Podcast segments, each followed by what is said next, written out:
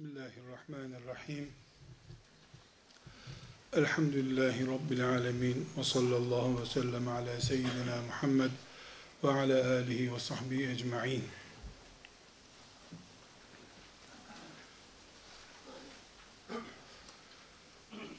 Değerli kardeşler, Resulullah sallallahu aleyhi ve sellem Efendimizin hayatındaki olayların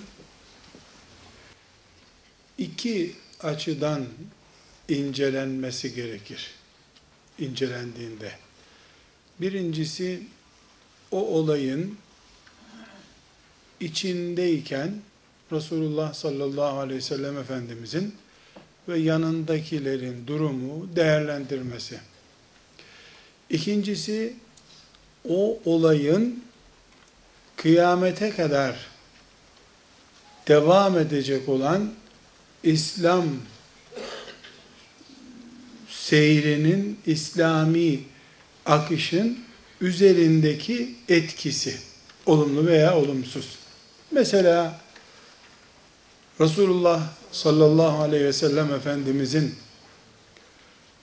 hanımı, annemiz Aişe radıyallahu anhanın üzerinden yapılan iftira hamlesinde, ifk olayında bu iki bakış tarzını mütalaa edebiliriz.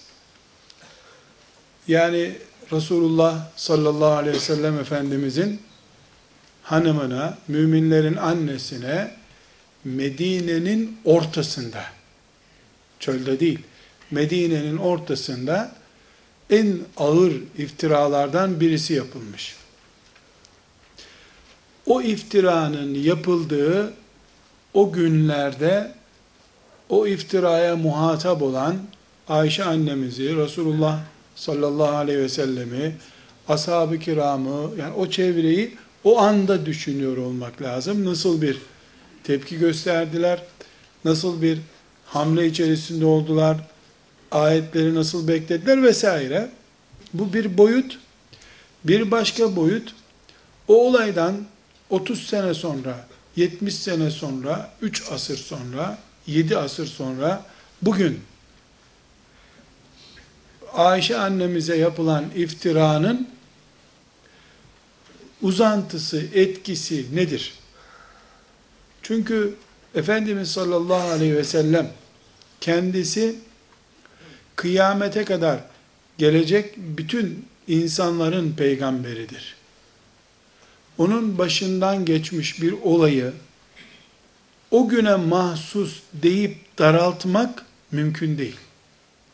Peygamberin kendisi ila veya kıyamete kadar kalacak bir peygamber ama ona ait olaylar hele hele ashab-ı kiramla iç içe yaşadıkları olaylar o zamana aitti. Şimdi onun bizim üzerimizde etkisinin olmayacağını söylememiz yanlış olur. Akıllıca bir söz olmaz. Kur'an-ı Kerim Resulullah sallallahu aleyhi ve sellem Efendimiz'e mahsus olduğunu, ümmetle ilgisi bulunmadığını söylediği olaylar da var. Efendimiz sallallahu aleyhi ve sellemin e, çok hanımla evlenmiş olması sırf sana mahsus olsun diye ey peygamber müminlere geneline kapsayacak bir karar değil bu sana mahsustur bu müsaademiz diye Kur'an-ı Kerim zaten onu ona mahsus hale getiriyor. Neyi? İşte Efendimiz sallallahu aleyhi ve sellemin çok hanımının bulunmasını. Bu bile yani sana mahsus ha bu. Diğer müminlere bir özelliği yok, kapsayıcılığı yok. Dediği olay bile bizimle çok açıdan ilgili. Yani biz Efendimiz sallallahu aleyhi ve sellemin çok hanımının bulunması, annelerimizin çok olmasından hala istifade ediyoruz. Bize ulaşan ilim, e, bizim yaşadığımız din vesaire açısından biz o nimetlerden hala istifade ediyoruz. Nerede kaldı ki Resulullah sallallahu aleyhi ve sellemin mesela müşriklerle girdiği bir savaşta sonuç hangi açıdan bakılırsa bakılsın biz adına savaşılmış bir savaştır bu. Eğer Bedir'de şirkin başı ezilmeseydi, İslamiyet'in e, bugünlere geliş süreci böyle olmazdı.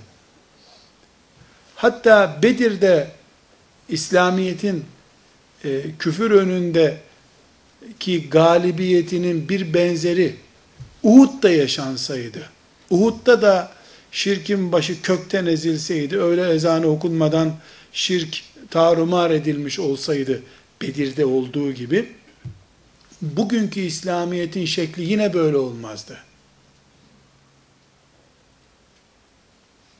Mekke'nin fethi 8. yılda değil de 4. yılda olsaydı tarih değişirdi. Hiçbir taş yerinden yuvarlanırken yani bir saat önce yuvarlansa, bir saat sonra yuvarlansa aynı sonuç olurdu diye iddia edilemez. Bir saat sonra aşağıdan geçen bir keçi ezecektir. Bir saat önce yuvarlansa o keçi ezilmeyecekti.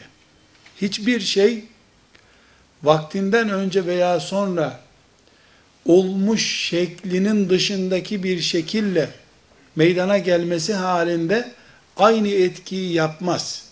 Makul olan bu değil zaten. Netice olarak kardeşler, Resulullah sallallahu aleyhi ve sellem Efendimizin 23 yıllık nübüvvet hayatının herhangi bir günü, herhangi bir olayı bugün yaşadığımız Müslümanlığın kesinlikle bir yönünden etkilediği olaylardan birisidir. Halid İbni Velid 7. yıldan sonra Müslüman oldu. Yaklaşık 5 yıl Resulullah sallallahu aleyhi ve sellemle yarısı, yarısı da diğer birinci ve ikinci halife ile olmak üzere 5 yıl kadar Müslüman olarak kaldı. Ve bu 5 yıllık zaman zarfında İslam coğrafyasının bugünkü Müslümanların yaşadığı toprakların dörtte birine yakın kısmını fethetti. Bilhassa Orta Doğu bölgesinde. Veya fethin önünü açtı. Şimdi Halid İbni Velid'in radıyallahu an 7. yılda değil de birinci yılda Müslüman olduğunu düşün. O süratle İslam'a enerji olarak gelmiş birisinin İslam'ın seyrini ne tarafa doğru değiştirmiş olacağını, İslam'ın hangi yılda e, bugünkü noktalara geleceğini kestirmemiz bile mümkün değil. Ama her halükarda allah Teala'nın e, yazdığı kader aynen tecelli etti. Biz keşke böyle olsaydı demek için bunu konuşmuyoruz. Bir meseleyi tahlil edip iyi anlamak için mukaddime olsun diye bu girişi yapma ihtiyacı hissettim.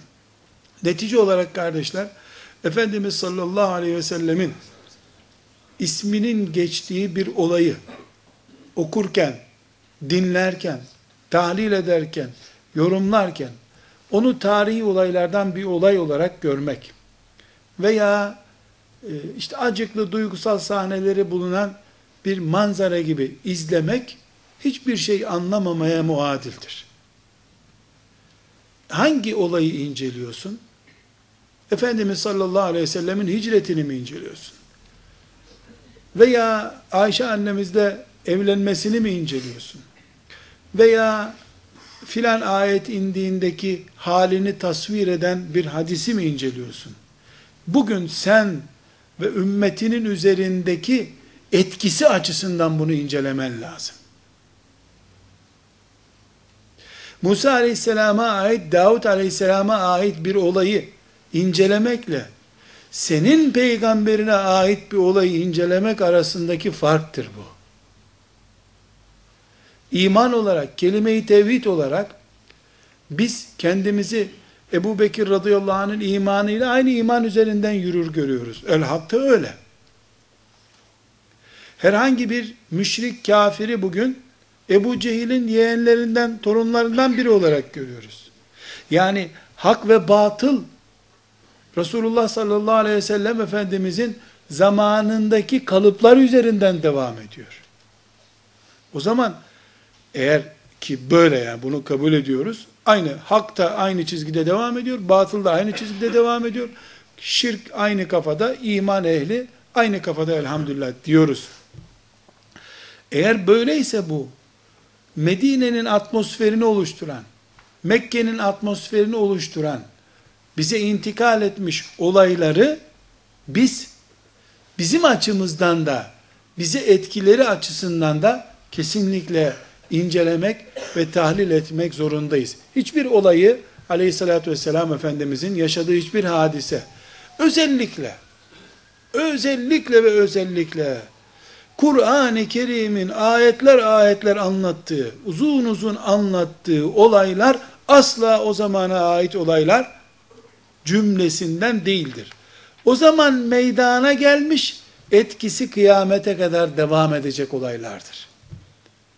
Kur'an-ı Kerim ısrarla Aleyhissalatü vesselam Efendimizin Bedir'deki durumundan, Uhud'daki durumundan, Hendek'teki durumundan söz ediyorsa, Mekke'nin fethinden, fethin gecikmesiyle ilgili olaylardan söz ediyorsa ve bu Kur'an kıyamet sabahına kadar ibret ders kitabı olarak okunacaksa o zaman bizim söyleyeceğimiz şey belli. Biz deriz ki biz her ne kadar bu olaylardan asırlar sonra geldiysek de o olaylar bizimle ilgili. Bugünkü Müslümanlığımızda, bugünkü hayatımızda başımıza gelenlerle veya gelmeyenlerle ciddi bir şekilde ilgili. Çünkü şirk aynı şirk, iman aynı iman, peygamber aynı peygamber. Namaz aynı namaz. Bizim o zaman herhangi bir siret olayını, hatta ve hatta o sirette ciddi bir şekilde yer tutan ashab-ı kiramı çok iyi anlamamız lazım. Ömer bin Hattab radıyallahu anh'ın anlayışında müşrikleri de iyi tanımak lazım diyor. Çünkü cahiliyeyi tanımayan İslam'ın kıymetini bilemez diyor. Allah ondan razı olsun. Bugün kardeşler Resulullah sallallahu aleyhi ve sellem Efendimizin hayatındaki en ağır olaylardan birisi olan Uhud gazvesini konuşacağız. Uhud gazvesini de Uhud'da şehit olan ashab-ı kiramın üzerinden konuşacağız. Allah hepsinden razı olsun. Uhud gazvesi savaş kelimesini çok fazla yaygın bir şekilde kullanmıyorum. Çünkü her ne kadar gazve de savaş demekse de savaş kelimesi şimdi çok fazla e, sulu bir kelime haline geldi. E, gazve Resulullah sallallahu aleyhi ve sellem Efendimizin e, yönettiği cihat hareketine verilen isimdir. Dolayısıyla ben Uhud gazvesi diyeyim, siz Uhud savaşı da anlayabilirsiniz. Yani kelime olarak çok farklı olmamakla beraber bir hassasiyeti dile getirmek istedim. Uhud gazvesi arkadaşlar, bugüne gelmiş İslamiyeti büyütmüş beşiklerden birisidir. Hepimiz Uhud deyince aklımıza hezimet gelir. Yani Uhud'da şehitlerden, Hamza'dan, Mus'ab'dan ve diğer olaylardan dolayı ki nispeten tamamen değil ama nispeten doğru Uhud'da bir hezimet veya Uhud'da bir perişanlık söz konusudur. Ama aslında Uhud İslamiyeti bugünlere getiren beşiğin adıdır. Bu ne demek biliyor musunuz? Allah kaderinde Uhud değil de Luhud diye başka bir savaş yazardı. Ayrı bir konu ama Uhud savaşı olmasaydı ashab-ı kiram İslamiyeti asırlara götüremeyeceklerdi. Mesela Bedir'deki manzara devam etseydi, Bedir'de sabahleyin başlandı, öyle güneş tepeye çıkmadan şirkin başı ezildi, müşrikler kaçacak delik aradılar, savaş başlamadan bitti adeta. Uhud'da ise böyle olmadı.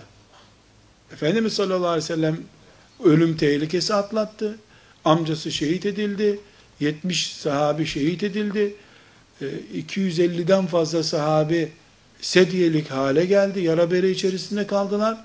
Çok büyük bir zayiat oldu Uhud'da. Şimdi diyoruz ki biz Bedir'deki zafer Uhud'da da devam etseydi en azından Mekke'nin fethi 5 yıl sonra gerçekleşemezdi. Mekke eğer Efendimiz sallallahu aleyhi ve sellemin hicretinden 8 sene sonra fethedilip şirk tamamen tarihe gömüldüyse bu Uhud sayesinde oldu. Uhud'daki hezimet sayesinde oldu. Dolayısıyla bugün İslamiyet nimetinden dolayı alnı dik duran ve İslam'la şeref duyan bir ümmet isek biz burada bu ümmetimiz ümmet olmanın, Müslüman olmanın içimizde hissettiğimiz gururun temel faili nedeni Uhud mücahitleridir. Orada şehit düşen ashab-ı kiramdır. Bugünkü nimetimizi hani diyorlar ya işte bu vatanı toprağın altındaki şehitlere filan e, muhtacız. E, minnettarız bu vatanı bize bıraktıkları için. Doğru. E, İslamiyet olarak da şüphesiz sadece Uhud'dan ibaret olmamakla beraber Uhud şehitlerinin ve Uhud'da Resulullah sallallahu aleyhi ve sellem Efendimizle beraber büyük bir gayret gösteren ashab-ı kiramın üzerimizdeki nimeti çok fazla arkadaşlar. Allah onlardan razı olsun. Meseleyi iyi kavramamız açısından e, Bedir Harbi'ni e, tanımamız, Bedir gazvesini bilmemiz lazım. Biliyorsunuz Efendimiz sallallahu aleyhi ve sellem Medine'ye hicret edinceye kadar savaşmak yasaktı Müslümanlara. Gazve yapmak, savaşmak yasaktı. Hicretin ikinci senesinde e, Allah Teala cihada izin verdi. Üzine lillezine yukatelune beennehum zulimu. Zulüm görenler, zulüm gördükleri için savaşmakla izinlidirler diye Allah Teala ayet indirdi. Savaşa, cihada izin verildi. İlk savaş hazırlıksız yakalanmış olsa bile ashab-ı kiram Bedir'de oldu. Bedir Medine'ye 150 kilometre mesafede bir yer. Müşrikler de Mekke'den geldiler. 250 kilometre onlar geldiler yaklaşık olarak. 150 kilometrede ashab-ı kiram Bedir'e gittiler. Bedir'de buluşma oldu. Yani bir savaş planı üzerinde değilse de ilk savaş gerçekleşti. Ee, Kur'an-ı Kerim'den Enfal suresinden öğreniyoruz ki Allah Teala çok büyük bir melek ordusuyla binlerce melek göndererek ki bir melek aslında bütün insanlığı kahredecek, ezecek güçle gelir. Fakat Allahu Teala'nın muradı böyle oldu. 3000 melek gönderdik buyuruyor. Geldi melekler. Müşrikler bin kişi, ashab-ı kiram 314 kişiler. Ee, karşılarında müşrikler kalabalık bir ordu gördüler. Psikolojik olarak canları sıkıldı. Yani Muhammed bu kadar adamı nereden buldu diye düşündüler kendi lisanlarından. E, neticede müthiş bir zaferle Bedir'den geri gelindi. O kadar ki e, orada yani birkaç saat önce Resulullah sallallahu aleyhi ve sellemin yanında ölmek üzere savaşa başlayan, yani o kadar samimiyetle savaşa başlayan ashab-ı kiram bir gün iki gün sürer bu savaş düşünüyorlardı. iki saatte sürmedi. Kelebur buldular bu nimeti. Hemen geldi önlerinde. Yani ölüm için gittikleri yerde ellerini kollarını sallayarak dolaşmaya başladılar. Bu sefer Ebu Cehil'in orada öldürülen Ebu Cehil'in miğferi için, terliği için birbirine girdiler. Nereden öğreniyoruz bunu? Kur'an-ı Kerim'den öğreniyoruz. Kur'an-ı Kerim'de Enfal suresi var. Enfal suresi bu demek. Ganimetler demek. Yani hususi Kur'an-ı Kerim'de sure ismi olarak Allahu Teala bunu anlatıyor. Bu neyi gösteriyor? Ashab-ı kiram bütün meziyetlerine, üstünlüklerine rağmen Allah onlardan razı olsun. Allah'ın imtihanı gereği böyle ufak tefek kaymalarda yaptılar. İşte orada üzdüler Efendimiz sallallahu aleyhi ve selleme. Bir yıl sonra müşrikler Bedir'in intikamını almak için Medine'ye geldiler. Bu sefer de 3000 kişiyle geldiler. Kalabalık bir orduyla geldiler. Ama arkadaşlar aradan geçen bir yıllık zaman zarfında ashab-ı kiram ufak tefek operasyonlar da yaptılar müşriklerin üzerine. Baya böyle cüre, gittikleri yerden de sil süpür geri geldiler. Yani o Bedir'in e, galibiyet atmosferi, neşesi bir yıl daha devam etti öyle. E, Uhud için müşrikler sözleşmişlerdi zaten. Bir dahaki yıl aynı zamanda yine buradayız. Yine savaşacağız dediler. Bedir Ramazan-ı Şerif'in ortasında oldu. Şevval ayında e, müşrikler Medine'ye geldiler. Efendimiz sallallahu aleyhi ve sellem her zaman yaptığı gibi ashab-ı kiramla istişare etti. Yani ne yapalım, nasıl bu adamlarla karşılayalım? O arada da kendisi e, Medine'nin içinde e, bu adamlarla karşılaşalım. Medine'de yani bunları dağıtırız, dağınık vaziyette kolay bunları hırpalarız gibi bir poli, e, siyaset veya plan yaptı Efendimiz sallallahu aleyhi ve sellem. Ashab-ı kiram o Bedir'deki şey var ya melekler geliyor dağıtıyorlar her tarafı filan. Hala onlar oradalar. Hiç böyle e, düşünmeden engelleme bizi ya Resulallah şunun şurasında bir dağıtacağız onları göstereceğiz günlerini filan böyle. Babasının yiğitliğiyle oğlu konuşuyor şimdi. Halbuki onlar Bedir'e katılanlar değil. Bedir'e 300 kişi katıldı zaten. Ee, yani orada Efendimiz Aleyhisselam'ın önünde yüzlerce kişi var. Efendimiz sallallahu aleyhi ve sellem e, baktı ki ashab-ı kiram e, böyle bir tavır gösteriyor. Daha doğrusu genç kadro böyle bir tavır gösterdi. Büyükler de e, susun yavrum siz ne zamandan beri büyüklerin yanında konuşuyorsunuz demediler. Efendimiz sallallahu aleyhi ve sellem de evine gitti. Zırhını vesairesini hazırladı. O arada ashabın büyükleri e, gençlere ne yaptınız ya bu ne biçim terbiyesizlik peygamberle böyle mi konuşulur ya size ne nerede cihad edilecekse orada edilsin gibi ikazda bulundular. Onlar da Efendimiz sallallahu aleyhi ve sellem geri gelince ya Resulallah dediler siz nasıl istiyorsanız öyle olsun. Biz karışmayız sana filan. Efendimiz sallallahu aleyhi ve sellem de buyurdu ki bir peygamber kılıcını kuşandıktan sonra bir daha kararından vazgeçmez buyurdu. Hadi çıkın bakalım gidiyoruz. Dedi sabah namazından sonra yola çıkıldı ama e, Uhud'da hezimet olacağı sabah namazında belli oldu. Çünkü yani Allah'ın yardımından başka yol alamayacak olan insanlar Allah'ın peygamberine karşı rahat konuşmaya başladılar. Rahat konuşan rahat yardım görmüyor. Maalesef böyle oldu. Ashab-ı kiram e, bin kişi olarak Uhud'a gittiler. Uhud Medine'nin kıbleye göre ters tarafında 3-4 kilometrelik mesafede bir dağın adıdır. Tek başına kaldığı için tek dağ anlamında Uhud dağı denmiş ona. Ashab-ı kiram orada yerlerini aldılar. Efendimiz sallallahu aleyhi ve sellem tam cihada talimat vereceği esnada 300 kadar münafık ya bu savaş için uygun bir zaman değil, nereden buldunuz filan deyip geri döndüler. Bin kişiydiler, 700 kişiye düştüler. Ee, Efendimiz sallallahu aleyhi ve sellem, ashab-ı kiram tabi endişelendiler çünkü öbür tarafta 3000 kişi var. Yani kalabalık öbür taraf ve öbür taraf çok da ciddi bir savaş hazırlığıyla gelmişler. Ee, buna rağmen ashab-ı kiram bir itiraz etmediler. Efendimiz sallallahu aleyhi ve sellem görev taksimatı yaptı.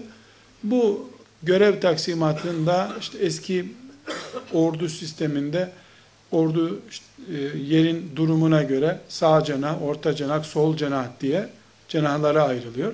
İşte biri kuşatıyor, biri saldırıyor. Yani savaş. O zamanki savaş taktiklerinden bir taktik uygulanıyor. Bir de Efendimiz sallallahu aleyhi ve sellemin sırtını güvene almak için e, küçük bir tepecik var. O tepecikle Büyük Uhud Dağı'nın arasındaki koridoru beklemesi için 40 e, tane kadar da 50 taneye yakın okçu koymuş. E, okçular da e, tembihlemiş siz buradan sakın ayrılmayın diye. Efendimiz sallallahu aleyhi ve sellemin talimatıyla Uhud cihadı başladıktan sonra ashab-ı kiram çok sabahki münafıkların katılmayışından hınçlandılar. Yani bu münafıklara mı minnet edeceğiz, biz bu işi hallederiz Allah'ın izniyle gibi bir tatlı hava oldu onlarda. Tek bir getirip e, müşriklerin üzerine e, saldırdılar. Müşrikler Bedir'den daha hızlı dağıldılar bu sefer. Yani çok hızlı bir dağılma sürecine girdiler. E, dağılma eski ordu anlayışında nasıl belli oluyor? Sancaktarı var ordunun. Yani her ordunun bir sancağı oluyor. Bayrak diyelim bugünkü deyimle. Bir kişi o bayrağı tutuyor. Bayrak düştü mü ordu gitti.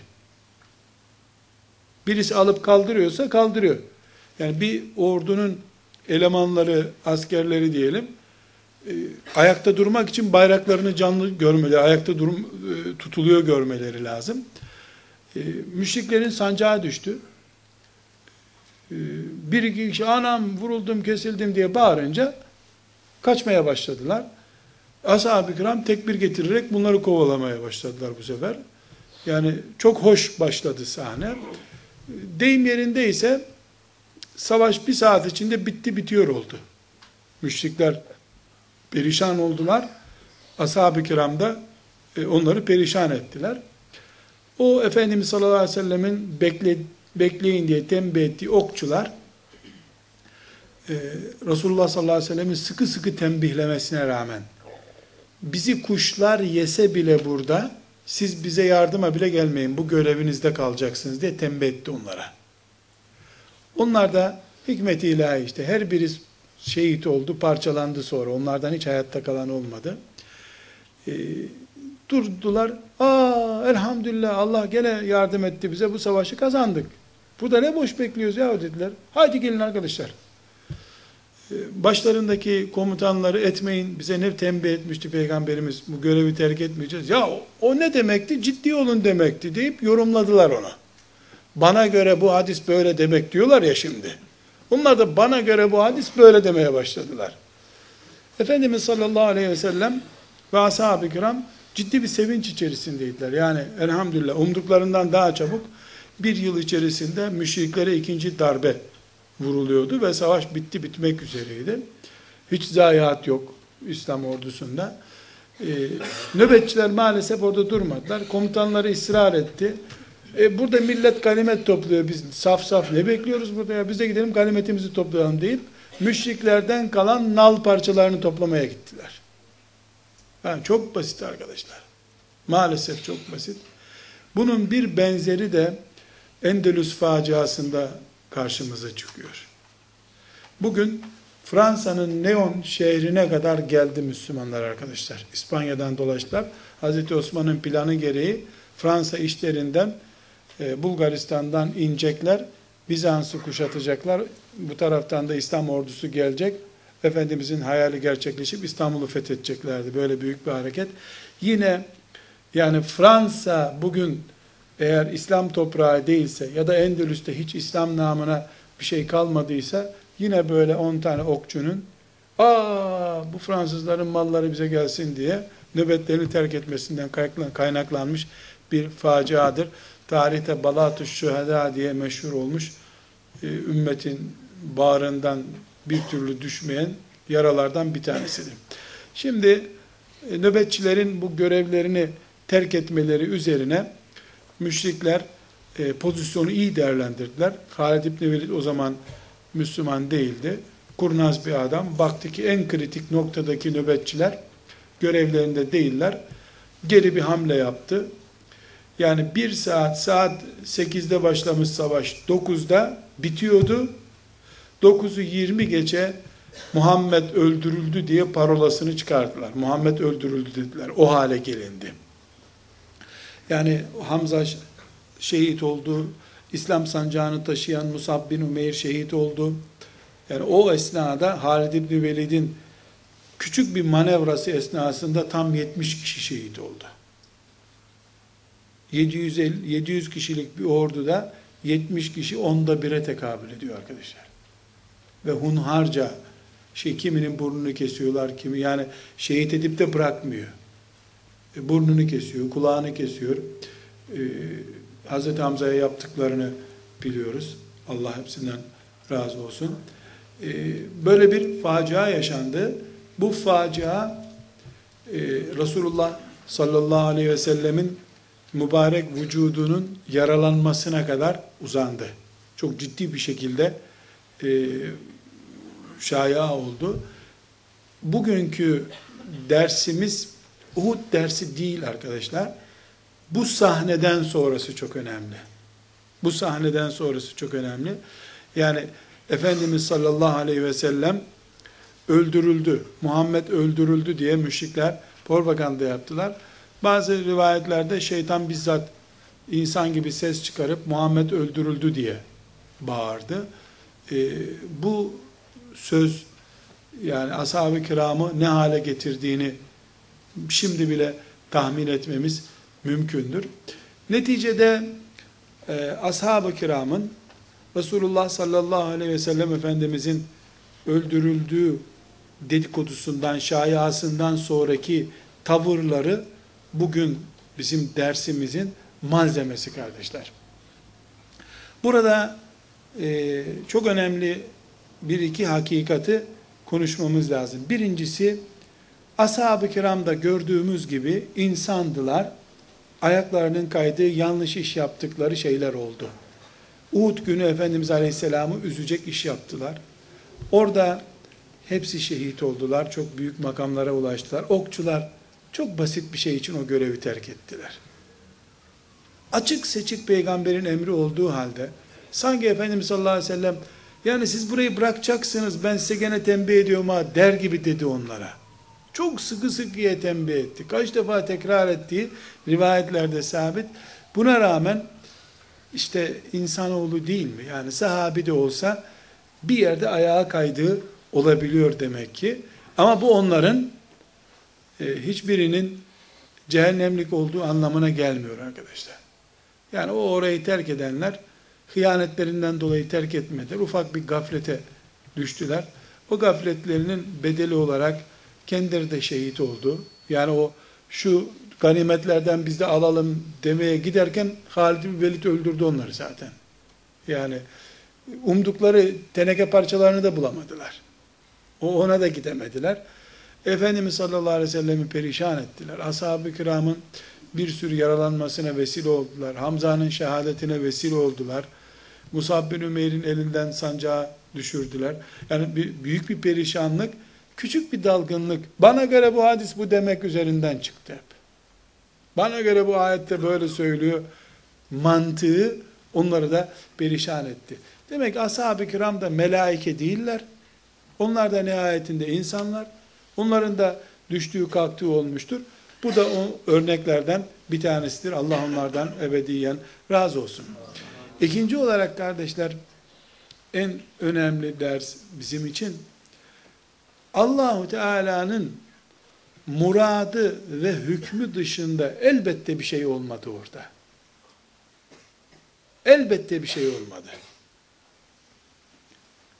Yani Allah Teala peygamberini o kadar seviyor. Onu sevdiğini de Kur'an'ında söylüyor. Görüyoruz zaten. Resulullah sallallahu aleyhi ve sellem'i ne kadar seviyor. Ama mesela e, küçük bir mağaracık var dağın kenarında. Oraya saklanmaları gerekti. Efendimiz sallallahu aleyhi ve sellem buraya girelim dedi. İşte bir metre kadar bir taşa basıp çıkamadı. Bir ara aşırı susuzluktan, sonra kan kaybından, vücudu yaralandı, çok kan kaybetti. Kan kaybından ve halsizlikten ayağını kaldırıp bir, bir metrelik bir kayanın üstüne çıkamayacak hale geldi Efendimiz sallallahu aleyhi ve sellem. Yani bütün bunları allah Teala e, murad etti de oldu. Allah peygamberine dokundurtturmak istemiyordu. Müşrikler buna rağmen yaraladılar peygamberini diyebilir miyiz? Haşa. Peki nedir bu sıkıntı? Bu nedir? Abdullah İbni Mesud bunu tahlil ediyor. Diyor ki, Uhud zamanına kadar, yani Uhud savaşı oluncaya kadar, ashab olarak bizim içimizde dünya sevgisi diye bir şey olduğunu zannetmezdim ben diyor. Kendimizi tam melek gibi zannederdik diyor. Ne zaman Uhud karşımıza çıktı, anladık ki biz hala dünya sevgisini atabilmiş değiliz içimizden. Hala tuğlanın pişmeyen çamur tarafları varmış demek ki. Uhud'da ne yapmış Allah Teala? Biraz daha fırında tutmuş tuğlayı pişsin diye. Minküm men yuridü dünya ve minküm men yuridül ahire. Kur'an'dan da öğreniyoruz bunu. Sizin içinizden hala dünyalık derdi olanlar vardı Allah buyuruyor. Kim için söylüyor bunu? Uhud'daki yiğitler için. Ashab-ı kiram kendilerini anladılar. Demek ki hala teneke parçalarında gözü olan varmış işlerinde. Kaldı ki yani Uhud'a gidenler hele o münafıklardan 300 kişi döndükten sonra helalleşmişler birbirleriyle. Yani geri dönecek bir yol olmadığını anlamışlar. Allah onlardan razı olsun. Buna rağmen buna rağmen teneke tenekedir kardeşim. Parlıyor işte ya. Teneke parlıyor ve selam. Teneke parlamış gözlerinde ve onun peşinde gitmişler. Minküm men yuridu dünya. Sizin içinizden hala dünyalık isteyenler vardı Allah buyuruyor. Şehadeti diye evinden çıkıyor. Mesela Hanzale radıyallahu anh'ın olayı çok meşhur. O da bu cennetten çıkmış adamlardan birisi. Yani kardeşim Abdullah İbni Übey İbni Selül gibi bir adamın kızıyla evlenmiş. Yani evlendiği gün Efendimiz sallallahu aleyhi ve sellem haydi cihada gidiyoruz demiş. Genç evlenmiş filan bırak bunları. Gerdekten çıktıktan sonra banyo yapmaya vakit ayıramamış. O haliyle gelmiş Uhud meydanına. Da melekler onu yıkamışlar cenazesini. Efendimiz sallallahu aleyhi ve sellem gördüm diyor melekler onu yıkarken diyor. Yani bu insanlarda tenekeye karşı bir hassasiyet var demek ki. Herkes bizim gibi takva filan değil kardeşim işte. Oluyor bazen böyle. Bizde tabi e, bin bir hileyle belediye meclisi üyesi olursun ama Allah için ha. Allah için. Hiç, hiç böyle bir dünyalık için değil. Allah ve Sultan Fatih'in toprağına hizmet. Tabi. Herkese nasip olmaz bu böyle büyük şeyler. Allah sonumuzu hayır eylesin. Gülmek noktasında değiliz arkadaşlar. Gülmeye gerek yok. Aynı kandan, aynı etten, aynı kemikten yaratıldık.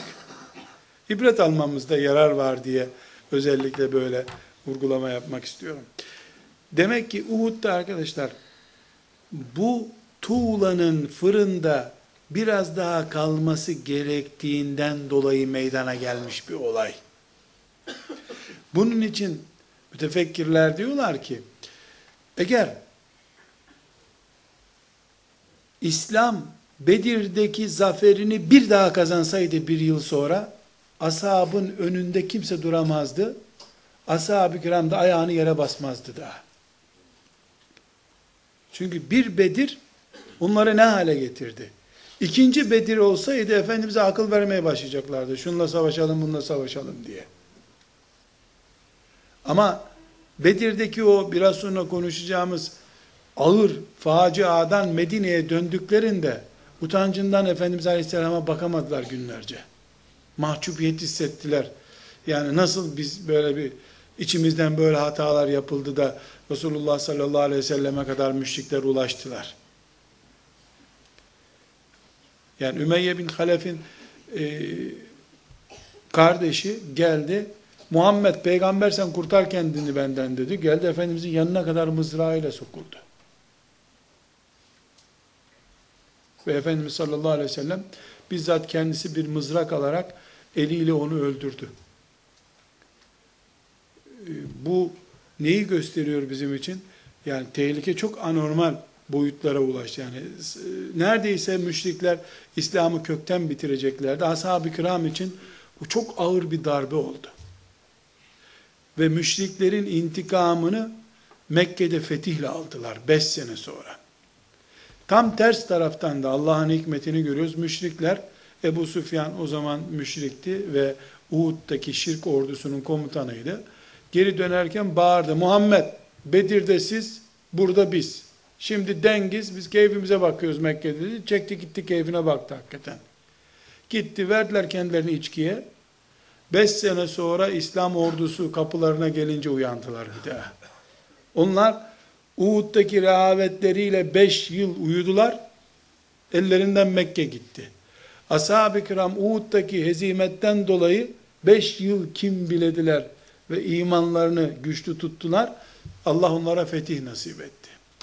Eğer Uhud'daki e, hezimetin yerine Bedir'deki gibi bir büyük zafer olsaydı ashab-ı kiramın o sonucu elde yani Mekke'yi 3-5 sene sonra fethedecek sonuca ulaşmaları çok zordu. Bunun için biz bugün Uhud'u değerlendirirken Uhud'da şöyle yaralandı, Hamza böyle düştü, Musab böyle düştüden çok bugüne bir aktarımı nasıl bunun? Bugün İslamiyet'in bugüne geliş sürecine etkisini de değerlendiriyoruz. İki, iki, hep Bedir yaşasak, hep kerametler, büyüklerin kerametiyle, okunan Yasinlerle, zaferler hep peşinden peş peşe gelse, ne hale gelirdik, bunun değerlendirmesini yapıyoruz. Demek ki, ashab-ı kiramın bile, pişmemiş bölümlerini fırına atıyor Allah Teala. Attı Hud'da işte. Ki onlar, yani o gün sabah namazını, Resulullah sallallahu aleyhi ve sellemin arkasında kıldılar. Sokaktan toplama mücahitler değil. Köylerden getirilmiş delikanlılar değil onlar. Yani Mescid-i Nebi'de sabah namazını kılmış insanlar. İçlerinden sadece bir kişi, bir Yahudi e, o anda iman etmiş, gelmiş katılmış 10 dakika sonra da şehit düşmüş. Onun dışında hepsi ashab-ı kiramın köklü kadrolarından. Allah onlardan razı olsun. Bu nedenle Uhud konuşulurken bu bölümü çok önemli tutuyor olmamız lazım kardeşler. Tekrar savaş veya gazvenin seyrine dönersek, Efendimiz sallallahu aleyhi ve sellemin öldürüldüğü haberi arkadaşlar, ashab-ı kiramın üzerine dağ gibi düştü. Ve o esnada ashab-ı kiram bir insan, beş insan, on insanla ölçülemeyecek gayretler gösterdiler, fedakarlık gösterdiler. Talha bin Ubeydullah, e, ashab-ı kiramın ilk onundan biliyorsunuz. O gün gösterdiği fedakarlıklar, Ebu Dücane'nin gösterdiği fedakarlıklar, Ali bin Ebi Talib radıyallahu anh'ın gösterdiği fedakarlıklar, aynı şekilde Sa'd bin Rabi radıyallahu anh'ın gösterdiği fedakarlık, yani bunlar çok enteresan şeyler kardeşler. Masallarda bile insanın aklını zorlayacak şeyler var. Bu bölümü çok önemli. Yani orada ashab-ı kiram 70 tane şehit verdiler. 1000 kişinin önünde 700 kişiydiler.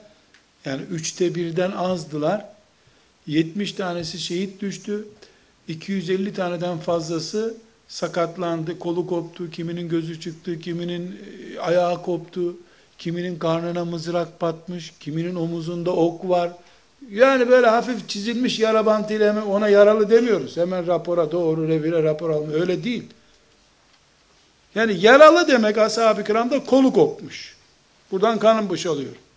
Göğsünden mızrak batmış. Ayağı kopmuş. Gözüne ok batmış. Bir eliyle onu tutuyor. Yaralı o demek. Yani onlar onlar da yani aşağı yukarı bin e, sahabi münafıkların gitmesiyle 700'e düştüler. Temiz kadro 700 kişi kaldı. 70'i şehit düştü. 250'ye yakını e, revirlik oldular. Geriye kaç kişi kaldı? 300 kişiye yakın bir sahabi kaldı. 3000 kişinin önünde Resulullah'ı koruttular arkadaşlar sallallahu aleyhi ve sellem.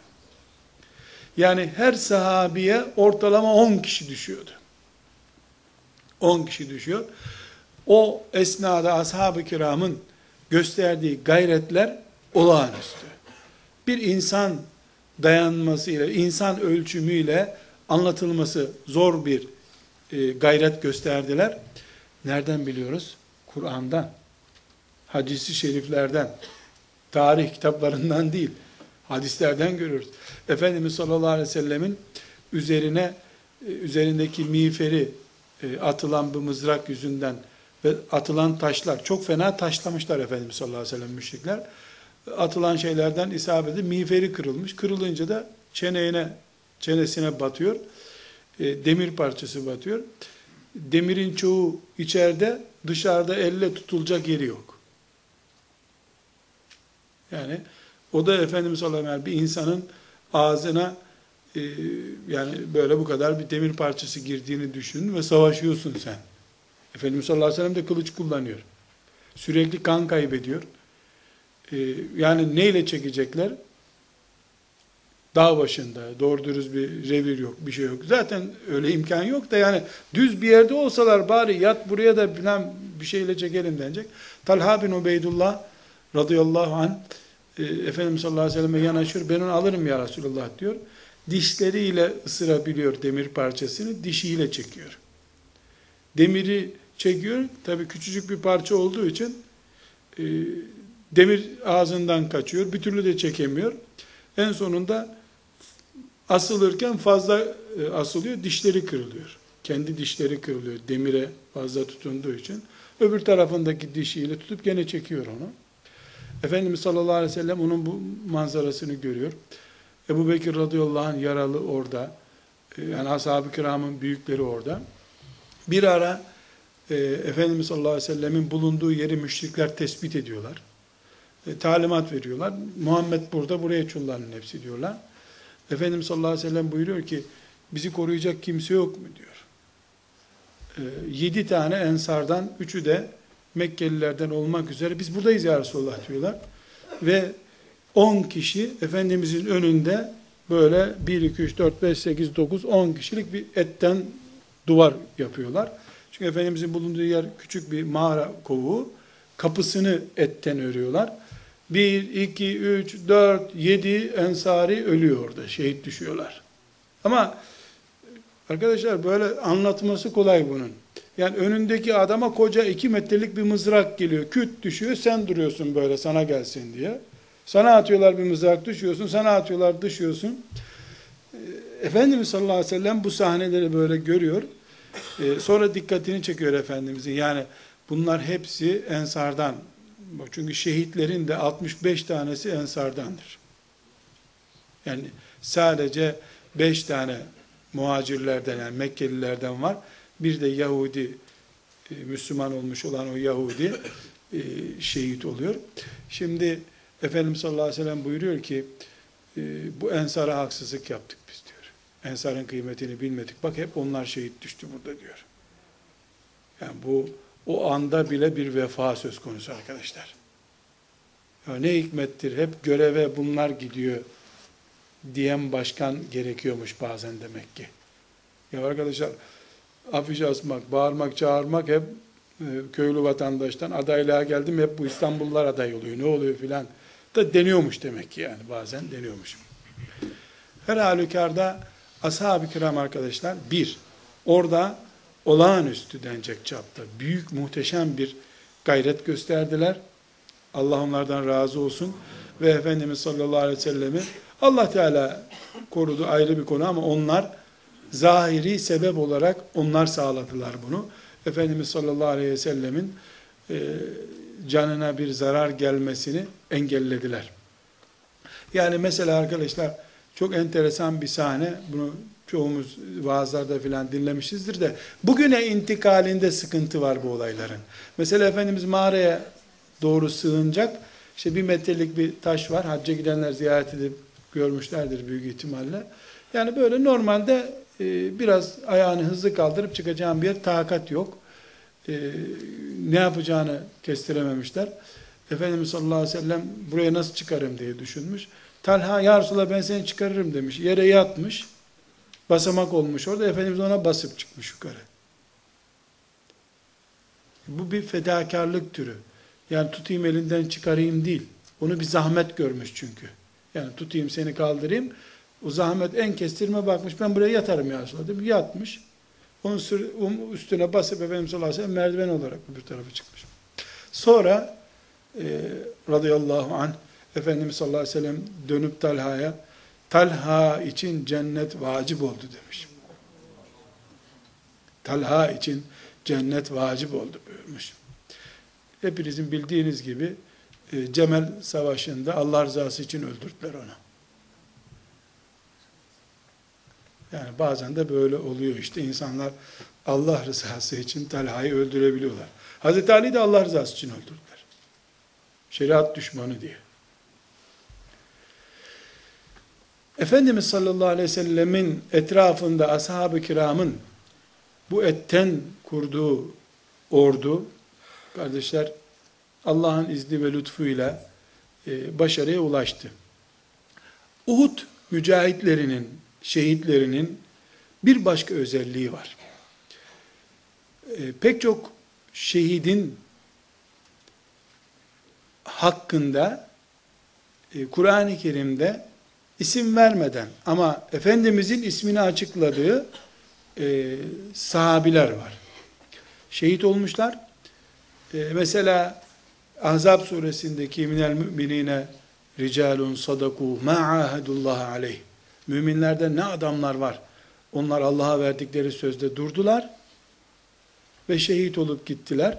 Bir kısmı da sıralarını bekliyor diye ayetin Musab bin Ümeyr hakkında nazil olduğu söyleniyor. Başka sahabiler hakkında da söyleniyor. Mesela e, ölüler Allah yolunda öldürülenlere sakın ölü demeyin. Onlar Allah'ın katında diridirler. Rızıklanıp duruyorlar. Ayeti Hazreti Cabir'in babası hakkında inmiş. Efendimiz sallallahu aleyhi ve sellem yani arkadaşlar hadis-i şeriften söz ediyorum. Sakın e, böyle yani Ramazan'da insanları ağlatmak için anlatılan menkıbelerden filan zannetmeyin. Hadis-i şeriften söz ediyorum. Ee, Hz. Cabir radıyallahu anh Efendimizin e, yanında bulunurken mahzun bulunuyor. Cabir seni biraz halsiz görüyorum. Ne derdin var diyor Efendimiz. Ya Resulallah babam öldü.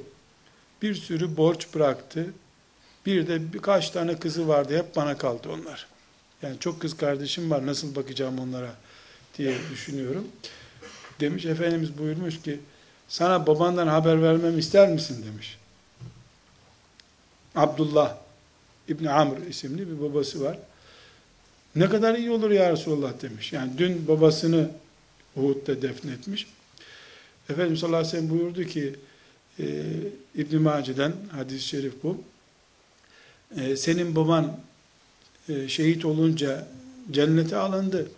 Allah hiç kimseyle, peygamberler de dahil, yüz yüze görüşmediği halde senin babanla yüz yüze görüştü. Yüz yüze görüştü. Dedi ki ona, e, bir isteğin var mı benden? O da dedi ki, ya Rabbi, bir kere daha şehit olmak için beni dünyaya gönder demiş. Allah Teala da buyurmuş ki, e, benim sözüm kesindir, dünyaya dönüş yok buradan demiş. O zaman ya Rabbi geride kalanlarıma haber ver benim mutlu olduğumu. Mesaj gönderiyor ailesine yani iyiyiz biz buralarda bir sakınca yok diye. İşte Allah yolunda öldürülenlere sakın ölüler demeyin. Alemran suresindeki ayet bunun üzerine indi. Efendimiz sallallahu aleyhi ve sellem haber veriyor.